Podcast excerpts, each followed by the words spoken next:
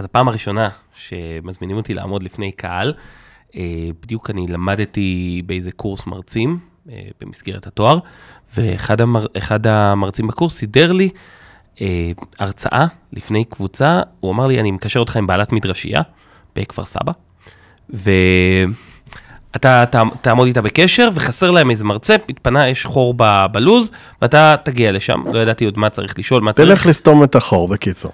אתה, בוא, בוא סתום את החור. אני מתקשר אליה, אה, לא כל כך הבנתי, לא הכרתי גם דמויות בתוך הברנז'ה הזה של, של קהילת ה... בתוך הברנז'ה של קהילת המדרשות, וגם לא הכרתי את השפה, והתביישתי לשאול. אז היא אמרה לי שיש לה מדרשה של בנות, ושבבוקר שומעות הרצאות, ואני uh, צריך להגיע לתת שם הרצאה. מדרשה בנות, משום מה התחבר לי, שזה קבוצת בנות בערך בגיל של אחרי צבא, שמגיעות לשמוע קצת שיעורים, מתחזקות. אמרתי, אוקיי, נכין איזה משהו, ולקחתי, שאלתי אותה על מה ההרצאה, היא אמרה, תפילה, טוב, הכנתי מלא אה, הרצאה, והכנתי באמת, הבאתי כל מיני סיפורים ואנקדוטות ודוגמאות, אמרתי, אוקיי, זה צעירים, אז בואו נביא כל מיני סיפורים צעירים כאלה, ודימויים מסרטים ודברים. היה יפה, היה מדהים. בדרך אני נוסע. כלומר, היה מדהים החלק של ההכנה. היה מדהים, כל ההכנה, הכנתי הרצאה מדהימה. עד היום יושבת אצלי בבית ממוסגרת בתור אוי ואבוי, מה עשיתי. אה, ובדרך אני, היא מתקשרת אליי יום קודם ואומרת לי, תיקח, יש עוד מרצה שצריכה להגיע, ואני רוצה, ש, ואני רוצה ש, שתיקח אותה בדרך טרמפ, ואני מעלה אותה, אני חושב, בבני ברק, בדרך לכפר סבא. יש לי עוד עשר דקות נסיעה.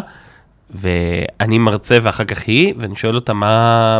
אני רואה אישה מבוגרת, עולה לאוטו וזה, רבנית כבודה כזאת, אני שואל אותה על מה היא מדברת. היא אומרת, תראה, זו קבוצה של פנסיונריות בגדול, אה, בנות 65, 70, 80 ומעלה, דתיות, וואי, שהולכות וואי, לשמוע הרצאה על תפילה.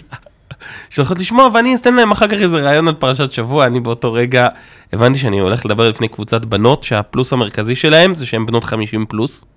וואי וואי. רגע, ואתה פלוס. בעצם ברגע הזה, אתה, מה אתה אומר לעצמך? אתה ממשיך, אתה חוזר, אתה מתקשר, מה אתה עושה? קודם כל זה היה הלם, התובנה הראשונה שהייתה לי, עזוב תובנות, ברגע הזה אין תובנות, אני אומר לעצמי, דבר ראשון אני חייב, זה פעם ראשונה שלי, ומי שפעם אחת מפשל, נשרף, הוא מחוץ לתחום בכלל.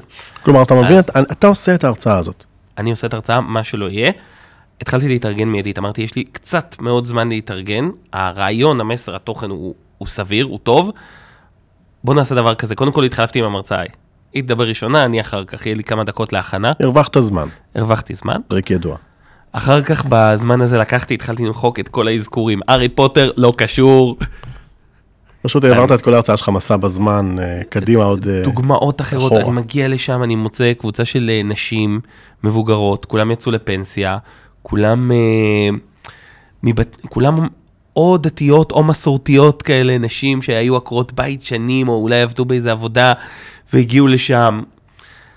נשים מבוגרות כאלה, יושבות, כאילו באמת לא הרצאה שתכננתי, דינמית ומפעילה את הקהל, אז לקחתי, עשיתי שינויים מאוד גדולים, אמרתי בוא נשאיר את התוכן ונראה איזה דברים אני יכול לעשות בהנגשה, כדי שאני אוכל להג...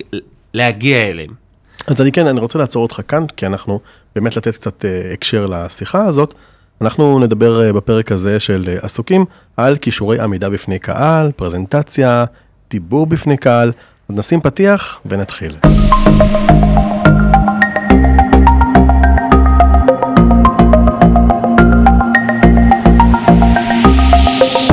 אתם מאזינים לעסוקים. פודקאסט הכישורים של ג'וינט ישראל. אז לפני הפתיח ככה דיברת, אה, סיפרת סיפור נורא, אה, לא יודע, אותי הוא הכניס ככה, אני לא הכרתי את הסיפור הזה, את האמת, למרות שאנחנו מכירים אה, מספיק זמן, ודיברת על מקרה שבו אתה מכין הצעה לקהל אחד, אתה מדמיין בראש מה שהולך להיות, לכאורה שום דבר לא יכול להשתבש, אבל ברגע האחרון נכנס לך מידע חדש, ואתה מבין שאתה צריך לתת משהו אחר לגמרי. כלומר, לעמוד בפני קהל, אבל לא הקהל שחשבת. מה יש לך לספר לנו בכלל על עמידה לפני קהל? וואו. אז, אז קודם כל אני חושב שזה אחת התובנות הראשונות שצריך לדעת לעמוד לפני קהל. רוב האנשים, וגם אני בתור מרצה צעיר ושחצן, חשבתי שהנושא של עמידה לפני קהל מתחילה שהאדם עומד לפני קהל, והשלב לפני זה, זה הכנה. משהו שעושים בשביל שזה יצליח. באותו אירוע הבנתי שעמידה לפני קהל, שאתה נעמד, ההצלחה או הכישלון כנראה כבר הוכרעו מראש. הכנה טובה, הבנה טובה של מי הקהל. בסופו של דבר, כל מסר מצליח, השאלה למי. אפשר, לספ... אפשר להעביר את אותו, את אותו מידע בדיוק, למשל אני יכול להעביר הרצאה על תפילה. אם זה יהיה. בקבוצה חרדית, אז אנחנו נביא מיד מלא מדרשים ונדבר בשפה של משגיחים. אם אותו דבר בדיוק יהיה מול אה, קבוצה אה, לא דתית בכלל, אנחנו נתחיל מאיזשהו סיפור, איזשהו דוגמה, התפילה תיכנס כמשהו, גם השאלות שנתמודד איתן יהיו שונות לחלוטין. אז כל הרעיון הזה של עמידה לפני קהל, אותו דבר גם היום שאני עומד לפני קהל ומוכר מוצר, יותר חשוב ממה תגיד, הרבה יותר חשוב מהתוכן, זה למי אתה מדבר. בעצם הצעד הראשון שהיום שאני יודע לה, שאני מדבר לפני קבוצה, זה ללמוד את הקבוצה כמו שצריך. למשל, אה, באיזה גיל הם? דוגמה מה, מהדוגמה הקודמת, מה הרקע שלהם, עד כמה הם מכירים את המוצר, עד כמה הם מכירים אותי, כמה אנשים יהיו באירוע. מה, מה אמרו להם? למה הם מצפים? למה הם מצפים? אגב, זה אה, קשור למי הקהל קהל היעד? מה. הציפייה שלו? לגמרי. כי לפעמים אותו קהל יעד מגיע לאירוע, ואמרו לו שהיום אה, יהיה פה אה, סט הרצאות להציג אה, איזשהו קורס אקדמי חדש. אז הוא מגיע ב, ברצון לשמוע על הקורסים, או שזה ערב חשיפה ל, לקורסים ולהשכלה גבוהה. אבל אם מזמינים את הקהל הזה לערב הרצאה בנושא חדשנות בתעשייה, ובדרך דוחפים על הדרך בגלל שיש איזה מממן והוא הגיע, והוא ביקש ממך לה- להעביר ול- ולספר על קורס חדש, אז הקהל מגיע אוטומטית הת- בהתנגדות, הוא לא רוצה לשמוע עכשיו, הוא לא רוצה... אמרו לו שזה בלי פרסומות הערב. ופתאום הוא מגיע, התפקיד שלך זה להיות המפרסם. כן, אז בעצם הבירור מראש של מי קהל היעד שלך הולך להיות ומה הציפייה שלו, בעצם אה, מתכון אה, די טוב לדעתי אה, למנוע אכזבה בתור התחלה. כן. כלומר, גם וגם לעורר את ה- את הקשב של המאזינים הפוטנציאליים. אז למעשה, אתה יודע, כבר רק התחלנו את השיחה וכבר יש לנו כלל אצבע, זכרו, כלל מספר אחד בעמידה בפני קהל, דע לפני מי אתה עומד, דע את הקהל שלך. את הקהל, ו... ואף פעם אי אפשר לדעת אותו מדי. אני, אני אפילו אגיד משהו שאני עושה היום, אני מגיע להרצאות, אני יודע שזה מוריד לפעמים מהיוקרה של אה, מי שמדבר, אני מגיע קצת קודם, ואני במשך עשר דקות מתערבב בקהל של השומעים, רוצה להבין למה הם הגיעו. מה גרם להם לצאת הערב להרצאה? שעמם להם בבית? הם מחכים לתוכן מעניין, חדש ואיכותי, או שאולי מישהו הכריח אותם להגיע, וגם זה קורה. ולפי זה אני יכול לעשות איזה שהם התאמות ואדפטציות למה שאני אעשה. האם אני יותר אספר סיפורים, יותר בדיחות, אולי אה, אני אתמקד ישירות בתוכן, האם הם מכירים חלק ממה שאני הולך להגיד, ואז אני יכול לחתוך את החלק הזה ולהתמקד בחלקים אחרים. קריטי לגמרי להבין לא רק מיהו הקהל, אלא למה הוא בכלל רצה להגיע לפה. וואי, זה ממש מעניין מה שאתה אומר עכשיו. אה, אבי, בתור אה, מומחה לעמידה בפני קהל, ממש מומחה, אני מודה, יש לי כאן את ההזדמנות לומר, השתתפתי לפחות בכמה הרצאות שלך. אה, אני מוכרח לומר שאתה עושה את זה ממש טוב, ואני חושב שאני אשמח ללמוד ממך, בוודאי גם המאזינים שלנו. עוד דברים שהיית רוצה לומר על עמידה מוצלחת בפני קהל. אוקיי, אז ה- ה- הדבר הראשון שאני, חוץ מלהסתכל על הקהל, הדבר הראשון הסתכלנו החוצה, על הקהל, אבל צעד אחד שהייתי עושה קודם, והדבר, אה, אני חושב, המשמעותי ביותר זה להסתכל לרגע פנימה ולשאול למה אני עומד פה לפני הקהל. עכשיו, זה נראה שהתשובה על זה מאוד מאוד ברורה, יש לי מסר, אני רוצה להעביר אותו. אף פעם אל תלכו עם זה. קחו לדוגמה את הפעם האחרונה ששמעתם מישהו שמדבר בין אה, קבלת שבת למאיריב בבית כנסת. הגבאי לחץ על מישהו כנראה ביום רביעי והוא החליט לעמוד לדבר. עכשיו הוא מדבר, אני לא יודע את מי אתם שומעים בדרך כלל, אבל תנו לי להמר, חצי מהאנשים ישנים. יש בדיחה שאומרת אה, שבן אדם מגיע לדרשן שדיבר בין קבלת שבת לערבית, הגיע אליו למחרת בבוקר, אומר, תקשיב טוב, הדרשה שלך, לא ישנתי כל הלילה בגלל הדרשה שלך. אומר לו, מה, זה היה כל כך מעניין? הוא אמר לו, לא, פשוט ישנתי כל הדרשה שלך, אז לא הצלחתי להירדם כל הלילה. כן. אז, אז, אז זה בדיוק מה שקורה, אני חושב שזה נמצא בשני המקומות. קודם כל, אה, המקום הראשון שצריך לבדוק זה איפה אני, מה המטרה שלי כמישהו שמעביר מסר, מה אני רוצה להשיג. ואני חושב שרוב המרצים, או הדרשנים למיניהם, שעולים לדבר, יודעים שהם צריכים להעביר את הזמן, יודעים שהם צריכים להגיד כמה מדרשים יפים, יודעים שהם צריכים להגיע, אבל מה המטרה? האם יש לי בסוף מטרה שאני יכול להגדיר אותה ברמה, ואני רוצה להגדיר מטרה ברמה הכי אופרטיבית שיש. האם אני רוצה להניע את הקהל לעשות שינוי? אני צריך לדעת, אני רוצה להניע את הקהל לעשות שינוי, למשל, אני אתן דוגמה לפרזנטציה יותר אישית, פרזנטציה זה לא רק לפני קהל, לפעמים זה גם יכול להיות uh, מול אדם אחד, ואני רוצה לשכנע אותו uh, לקבל אותי לעבודה, או להשקיע בי. אני צריך להגדיר לעצמי את המטרה, מה אני רוצה שיקרה. האם אני רוצה שהוא יצא עם דעה חיובית עליי? האם אני רוצה שהוא יחליט שהוא מקבל אותי לעבודה, הוא משקיע בי? אולי אני רק רוצה שהוא ידע עליי דברים חדשים שהוא לא ידע קודם, ואת ההחלטה הוא יקבל אחר כך. מאוד משנה מי האדם שאני עומד מולו ולמה. נחזור לקבוצה בבית כנסת? מה המטרה שלי? למה אני עומד פה? כי הגבאי לחץ עליי ולא נעים לי? כי יש לי איזה רעיון גאוני ולא יכלתי להגיד אותו בשום פלטפורמה אחרת? או שיש לי איזשהו יעד, למשל לתת לקהל איזשהו מידע חדש, או אה, ליצור אצלם איזושהי תחושה חדשה, או רגש חדש, בטח. אתה בעצם אומר פה משהו ממש מדהים, לא חשבתי על זה. כאילו, אם בהתחלה אני, כשניגשתי לשיחה הזאת, חשבתי שהעמידה בפני קהל זה לעמוד בפני אנשים, לעמוד על במות, לעמוד uh, בפני קהל, כן, אנשים. אתה בעצם בא ואומר, כל הדבר הזה הוא פרזנטציה. ופרזנטציה זה לעמוד לפני אדם שעומד מולי, ולהניע אותו לפעולה, או לשכנע אותו, או ללמד אותו משהו חדש בהתאם למטרות שלי, שזה יכול להתקיים גם ב... אמרת, ראיון עבודה, או שיחת מכירה, או כל דבר שבעצם בא להניע את האדם מולי למשהו. לגמרי, ואני רוצה אפילו להקצין את מה שאמרתי. אני חושב שכל, דבר ראשון, עמידה לפני קהל, לא כל כך משנה כמה אנשים יש בקהל ומי הקהל. הקהל יכול להיות מהבחינה הזאת הילד שלי, או אשתי, או המשפחה שלי, רגע, או רגע, חברים. רגע, אני מנסה להבין. אשתי והילדים, לקחת אותי פה לפינה לגמרי אחרת, מה אני יכול להתכונן או להבין את קהל היעד, ואיך כל הטיפים שנתת אז- מקודם מסתדרים על אז, הדבר אז שאמרת הנה, עכשיו. ניקח לדוגמה בדיוק את מה ש... בדיוק את, הדוג... בדיוק את הדוגמה הזאת, למשל, הילדים שלי, אני רוצה שהם יתרגלו לעשות אה, פעולה, מס... שהם ירצו, שהם יסדרו את החדר, למשל. קודם כל צריך להבין שאני מנהל פה שיחת מכירה. סליחה על ה... הרסתי פה עכשיו את עולם החינוך אולי, ו... אבל קודם כל, אני רוצה להניע מישהו אחר לפעולה. אז ברור שלמשל בהיררכיה בינינו, מערכת היחסים, זה לא הבוס שלי, זה הילד שלי, זה שונה לחלוטין. אבל קודם כל יש פה שיחת מכירה, יש תוצאה סופית, אני רוצה להניע את הילד שלי לפעולה, לסדר את החדר. ועכשיו אני יכול להתחיל לעשות איזשהו עיבוד ראשוני לשיחה, לשיחת המכירה הזאת, איך לעמוד לפני קהל, זאת אומרת איזה מילים יהיו המשפיעות ביותר, מה תהיה הדרך הנכונה. קודם כל, מה הזמן הכי נכון לבצע את זה. בוא נחשוב על זה כשיחת מכירה. האם הדרך הכי טובה לתפוס את הילד זה ברגע שהוא חוזר מהחיידר או הבית ספר בצהריים? אולי הזמן הכי טוב זה בערב? אולי בשעות הבוקר? למשל, תחשבו שאתם מקבלים שיחת מכירה ממישהו שרוצה לשכנע אתכם, או גרוע מזה, הרצאה, בזמן שאתם מתלבשים ורצים להספיק את האוטובוס. זה ממש לא הזמן לש- לשכנע או להשפיע. הזמן האחרון להשפיע. הזמן הכי גרוע. אז אותו דבר, אני מסתכל על הזמן, אני מסתכל על התועלת ועל הרקע שהילד שלי יכול לקבל. זאת אומרת, אני ממש יכול להכין בשלבים, אני עוד לא מדבר על טכניקות בכלל. עוד לא דיברנו פה על אף טכניקה, אבל קודם כל אני יודע מה אני רוצה להשיג. אוקיי, למשל, זה כבר אמרנו, אני כן מגדיר, אשמח ש... מגדיר מטרה, והחלק השני, אני מתחיל להבין את הקהל שלי.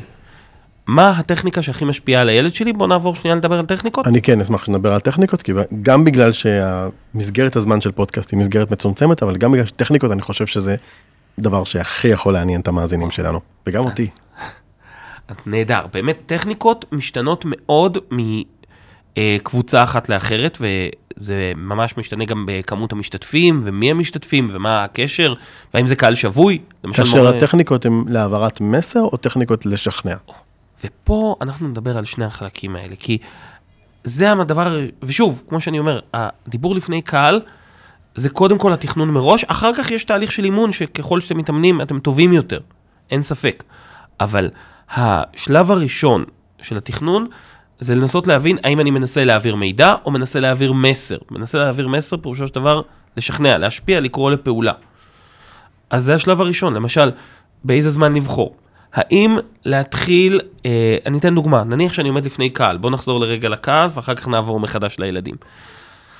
אה, חייב להיות איזשהו אה, דבר, הרבה שואלים את עצמם, איך נפתח? החלק הזה הוא חלק קריטי, כנראה החלק הקריטי ביותר בכל הרצאה, כי הקשב של כל משתתף הוא מאוד נמוך, הוא בעצם צריך לקבל החלטה תוך כמה שניות, אה, לא שיכולת הקשב שלו נמוכה, אבל הרצון שלו. הוא צריך לקבל החלטה בערך תוך דקה, דקה וחצי, האם הוא איתך או שהוא עובר למקום אחר, והוא לא חייב לצאת בשביל זה, יכול להיות שהוא יעבור הולך לפלאפון, כן, אנחנו ב-2020, יש לי איפה לברוח. יש, יש כל כך הרבה לאן לברוח, הוא לא חייב להיות איתך, ובטח ובטח לא חייב להסכים למטרות שלך. ופה יש שאלה ראשונה, מה התפקיד של מרצה ב- בשנייה הראשונה? אז נעשית בדרך כלל טעות. אני יכול להגיד שלפעמים בגלל החלק הפורמלי, ויותר מזה, הרבה פעמים מארח אותך איזה גוף רשמי, ואתה חייב לספור את כל התארים של הגופים, ואת כל מי שנתן חסות לכנס. ולהציג את עצמך, שלום, אני זה וזה, עשיתי כך וכך, ותודה לזה ותודה לזה, וכל הקהל נרדם. ואז אתה סופר את כל אותו. התארים והפרסומים שלך, כי גם, גם אתה נמצא פה בשביל פרסומת, לפעמים אחת המטרות שלך זה לפרסם את עצמך. הגעת, איבדת את הקהל לגמרי. ואז אתה מתחיל לספר אה, מרצים טובים, ואפשר לראות את זה באמת אצל כל מרצה טוב, או אצל כל פרזנטור טוב. השלב הראשון זה איזשהו חיבור פתיחה, זאת אומרת ליצירת חיבור מאוד משמעותי שיגרום לקהל להגיד, אני פה. אה, זה יכול להיות סיפור מעניין על איזשהו נושא שהקהל עוסק בו, פודקאסטים נפתחים ככה הרבה פעמים. כן, בדיוק רציתי לומר שזה הטריק שלנו בפודקאסט, פשוט כל פרק, אה, אה, החל מ... לפחות החל מפרק 4, לא, כל הפרקים.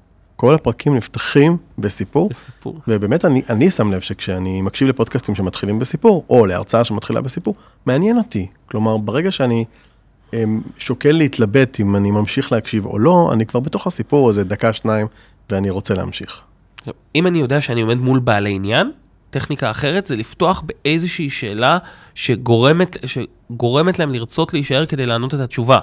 נגיד אה, קורס מנהלים שיעסוק באסטרטגיה, הרצאה טובה תיפתח הרבה פעמים, במה מניע יש הרצאה מפורסמת, אה, מביאים אותה הרבה פעמים כדוגמה, היא מתחילה בשאלה מה גורם למנהלים אחרים, למנהלים מסוימים להצליח להניע אנשים לפעולה ולאנשים אחרים לא. עם שתי דוגמאות מיידיות, זאת אומרת, תוך 30 שניות באתי ואמרתי, יש מנהלים שלא מסוגלים להזיז אנשים אחרים, ויש מנהיגים, סליחה, לא מנהלים, יש מנהיגים שלא מצליחים לגרום לאנשים אחרים לזוז, ויש מנהיגים שבאופן טבעי מצליחים להניע את הקהל שלכם, שלהם. מה, מה הסוד? מה הסוד? אוקיי, וואו, אתה כבר בתוך, ה... אתה בתוך ההרצאה. אוי, עשית לי פה טריק, אבל אני שם לב. בעצם הצגת את הדילמה הזאת, ואני כבר בתוך העניין, וכל מה שמעניין אותי עכשיו זה לדעת מה המשפט הבא שלך. נכון, זאת אומרת, יש פה שאלה, אם הקהל הוא ממוקד, שוב, אם הקהל הגיע לשמוע, אה, אה, להעביר שעה בכיף, סיפור אחד, אבל אם הקהל הוא קבוצת מנהלים, שישר, אגב, צריך להבין, מה שקורה בפה של המרצה פחות מעניין, מעניין מה קורה בראש של הקהל. כרגע הקהל יושב בבית, כל מנהל שיושב בקהל, אומר, מעניין, אני אתמול דיברתי עם העובדים שלי, והחלטנו להרים איזשהו פרויקט חדש בעסק, ואף אחד לא הולך איתי, אף אחד לא זז. כי אני מרגיש שאני צריך לדחוף פה קרון, ואני רוצה שזה יזוז. אני כבר שם.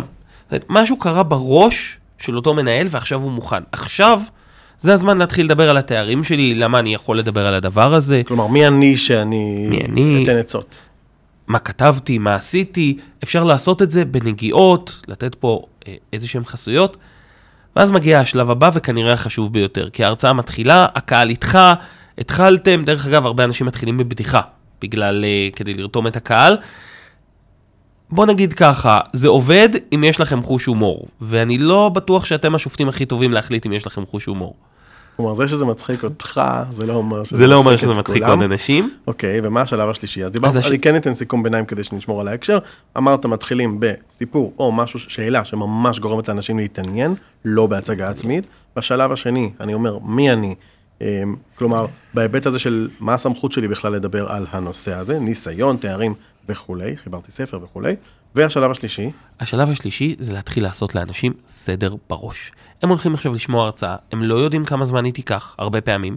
לפעמים זה כתוב בתוכניה, אבל אף אחד לא נצמד אליה. אה, הם גם לא יודעים על מה אתה הולך לדבר, מה יהיה הנושאים, למה תעבור. הם באי ודאות, ואחד הדברים שאנשים לא אוהבים זה אי ודאות. אה, מרצה סוג טוב, של, סוג של היום נדבר על, יותר מהיום נדבר על. היום נדבר על, בואו ניקח את הנושא קודם, על איך אפשר לגרום, איך אפשר לייצר מוטיבציה אצל מונהגים או עובדים שלי ולהניע אותם ולחבר לפעולה שלי. ולכן אנחנו נעשה, בתחילת ההרצאה אנחנו נתמקד בשיטות מוטיבציה, מה עובד ומה לא עובד ונביא מחקרים שתומכים, ובהמשך נתרגל איך זה יעבוד אה, פה עם משתתפים מהקהל, איך זה יעבוד אצלכם. מדהים, כלומר, ממש אתה נותן לוז לאנשים שהם ידעו למה לצפות ברמת שלבים של, ה, של ההרצאה. כן, עכשיו הם יודעים, עכשיו הם לא מופתעים, אף אחד לא יפתיע אותם. כי ענינו פה על איזשהו צורך מאוד טוב של להיות בטוחים, וגם יש פה איזה ספוילר להמשך, במיוחד אם בהתחלה מתחילים באיזה סקירת מחקר, לפעמים עושים את זה בהרצאות, אנשים יודעים, כן, בהמשך יהיה גם סימולציות, זה יהיה פרקטי. כלומר, אז מישהו ש... אז גם אם בקהל יש חלק אנשים שמעניין אותם יותר הסימולציות, או יותר הסיפורים, או יותר המחקרים, אז כל אחד ידע לצפות, כלומר, יבוא החלק שמעניין אותי. בדיוק. באותו, ו, ואז אנחנו נוכל להתחיל לעבוד איתם. עכשיו, פה ב, בעצם יש לכם קהל מגויס, אם עשיתם את החלקים האלה נכון, פתחתם טוב, עניינתם ועשיתם סדר לאנשים, יש לכם את הקהל. עכשיו, העבודה הקשה היא לא לאבד אותו. עכשיו, פה אפשר להתייחס להמון המון חלקים. אה, אני מאמין שעל חלק מהם לא נוכל לדבר היום, למשל שפת גוף. אני לא אשמח באמת להקדיש לזה פרק שלם שיעסוק בשפת גוף, כלומר איך לעמוד גם בהיבט הגופני. אני, אני כן אקח אה, נקודה מתוך העולם הזה, כי שפת גוף זה לא רק התנועות, שפת גוף זה גם לפעמים הטונציה. שפת גוף, אה, אני, אני רוצה לשים אותה בהקשר רחב יותר של הבעת רגש. כשאתם מדברים, כל אדם שהוא מדבר על משהו שהוא ממש מנותק ממנו, הקהל מרגיש את זה. והקהל מרגיש שנותנים לו, שמרצים לו. וברגע הזה, כל מקום של הבעת רגש, הבאת סיפורים, דוגמאות מהעולם הפנימי, אם זה אפשרי, זה יתרון מאוד גדול ומחזיק את הקשב. יש מחקרים שמראים שקשב של אנשים בהרצאה, ואני מדבר, לא, לא מדבר על מופרעי קשב, הוא שבע דקות. אחרי שבע דקות יש נפילת קשב ראשונה שצריך לחזור ממנה. שבע דקות זה נדיב. הנפילת קשב הבאה תהיה אחרי שש דקות, והנפילה הבאה אחריה חמש דקות, עד שמתאזנים על שלוש דקות. וואו, אז איך מחזיקים את הקשב? זה אומר, דבר ראשון, שיש לנו אורך מקסימלי להרצאה. זאת אומרת, אם אנחנו מרצים שעה וחצי, בחצי שעה האחרונה אף אחד לא מקשיב. בואו נשים את זה שנייה בתוך המסגרת. אנשים מקשיבים, אבל הם כל הזמן מוסכים. עכשיו, כל אדם פה אומר, לא, אני ממשיך להחזיק גם אחרי 7 דקות, ואחרי 10, ואחרי 15. נכון, אבל האנרגיה, החיבור, היכולת לשמור על קשר, על קשב אפקטיבי, זה דבר מאוד מאוד קשה. להיות מחובר לדוגמאות. עכשיו, איך מעלים את הקשב הזה? מרצה טוב, ואני אדבר על מה שאני בדרך כלל אוהב לעשות, מרצה טוב נותן העלאות קשב, זה יכול להיות סיפורים, זה יכול להיות בדיחות. אני הכי אוהב חיבור של הקהל. הקהל נמצא שם לא בתור סטטיסט שאתם אמורים לשפוך עליהם את המידע, הוא שם כי בעצם יש ביניכם שיח, רק אם אי אפשר לדבר עם כל אחד אז מדברים עם קבוצה. שאלות, אפילו שאלה כזאת סוקרת, מי פה בקהל פעם אה, אכל היום ארוחת בוקר, שירים את היד, טוב, כולם מרימים את היד. אפילו להקים אנשים מהכיסאות, זה דבר שאני עושה אותו בהרצאות. מבקש אה, מתנדב, יש מתנדב?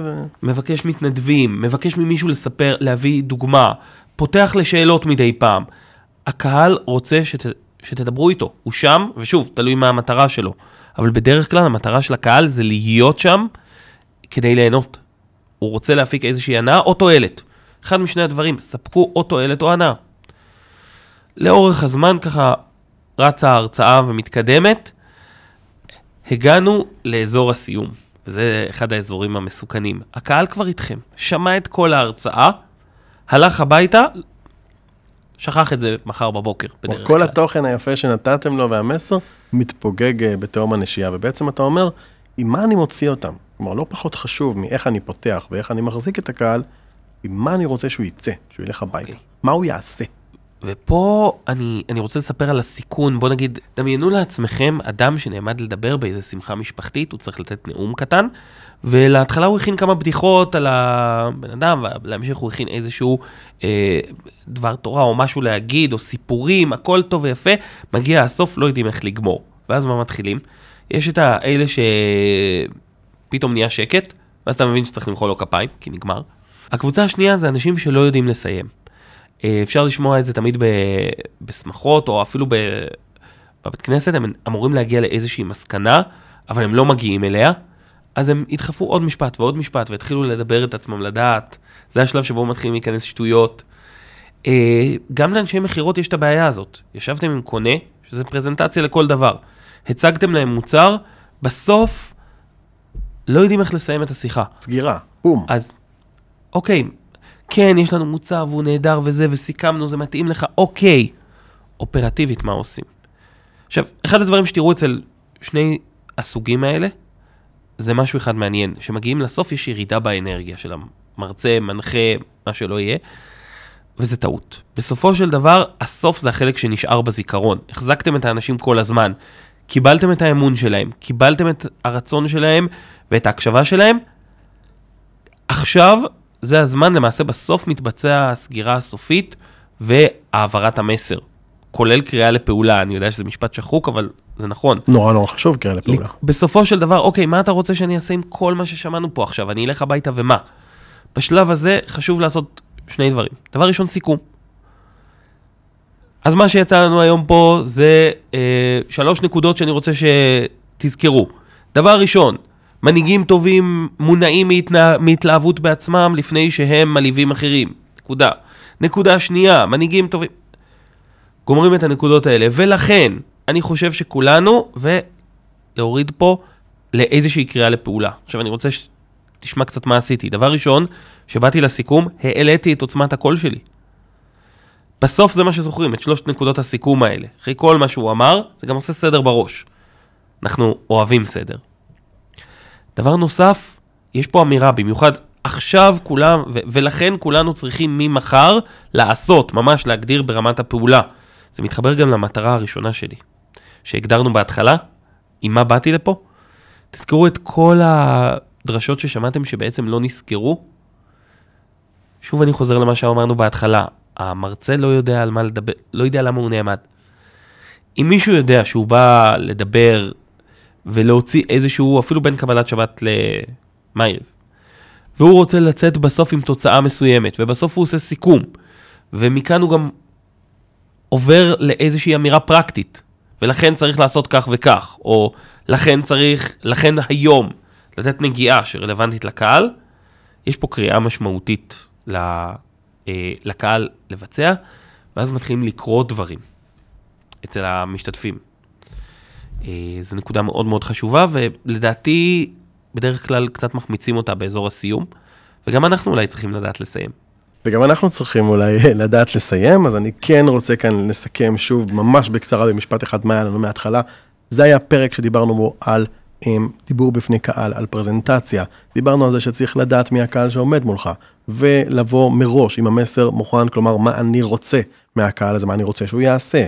דיברנו על השלבים לפתיחה, אני לא אחזור עליהם, כאן אתם מוזמנים להאזין אה, לפרק עצמו. וכמובן, לא פחות חשוב, זה הרגע של הסיום, שבו מעלים את רמת האנרגיה ופשוט מאוד קוראים לפעולה. ותודה רבה לך, אבי, שהיית איתנו כאן אה, לעוד פרק של אה, עסוקים. תודה רבה, יעקב. אה, תודה לכם המאזינים שהקשבתם והאזנתם לנו ברוב קשב, אני מקווה, עד עכשיו. והנה, אני כבר מיישם אה, בקריאה לפעולה. תמשיכו להאזין גם לפרקים הבאים של פודקאסט עסוקים. להשתמע. Thank you.